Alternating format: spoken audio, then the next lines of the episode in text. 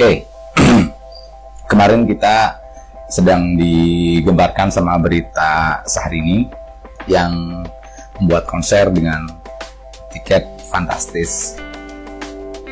Uh, dari temanya saja uh, cukup fantastis. Sebenarnya bisa dilihat bahwa konser ini bertujuan untuk uh, melihat kembali perjalanan seperti ini yang nggak mudah. Di sisi lain banyak netizen yang mencibir karena tiket konsernya yang mahal 25 juta itu kalau nggak salah yang paling mahal. Nah sebenarnya ini adalah sebuah budaya milenial yang sedang berkembang saat ini di Indonesia. Karena saya orang advertising, karena saya orang digital marketing, saya melihat dari sisi yang berbeda. Di sini saya melihat bahwa Sahri ini berhasil membuat uh, netizen, membuat masyarakat uh, menjadi fokus uh, ke dia. Apakah ia uh, manajemen sehari ini tidak memikirkan pendapat masyarakat nantinya kalau menggelar konser dengan harga yang fantastis? Pastinya sudah dipikirkan matang-matang. Oleh karena itu dari timnya Sahrini ini berhasil membuat semua masyarakat Indonesia itu berfokus pada Sahrini. Sebenarnya poinnya bukan di konsernya, poinnya adalah bagaimana si Sahrini itu membentuk, membuat brand identitinya Sahrini sekarang kita lihat bahwa uh, sehari ini memang membuat membuat brand identity-nya itu uh, sebuah profile, sebuah public figure yang uh, terkesan mewah, glamor.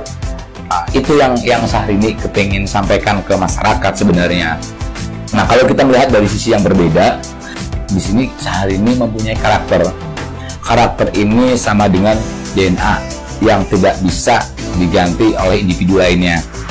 Jadi kalau kita lihat jargon-jargon Indonesia hari ini yang celana itu justru menjadi viral.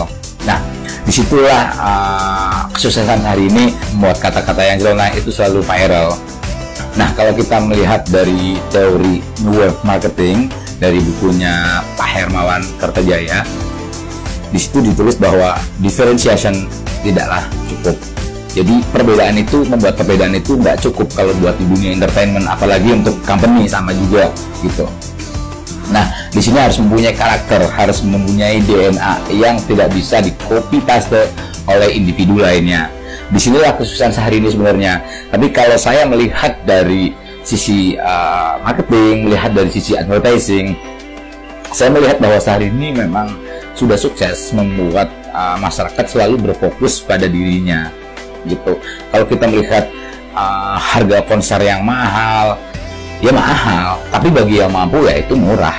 Saya coba berpikir netral saya coba berpikir melihat dari sisi saya sebagai advertising saya sebagai digital marketing melihat uh, fenomena-fenomena uh, dengan cara yang berbeda.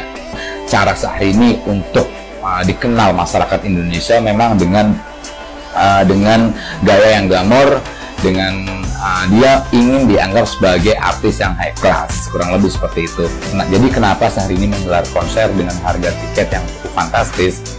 Itu tujuannya bukan di konsernya.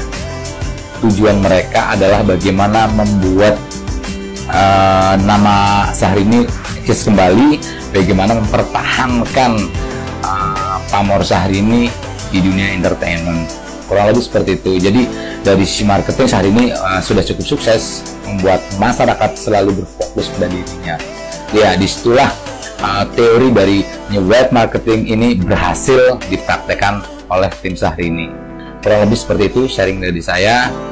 Jangan lupa berbagi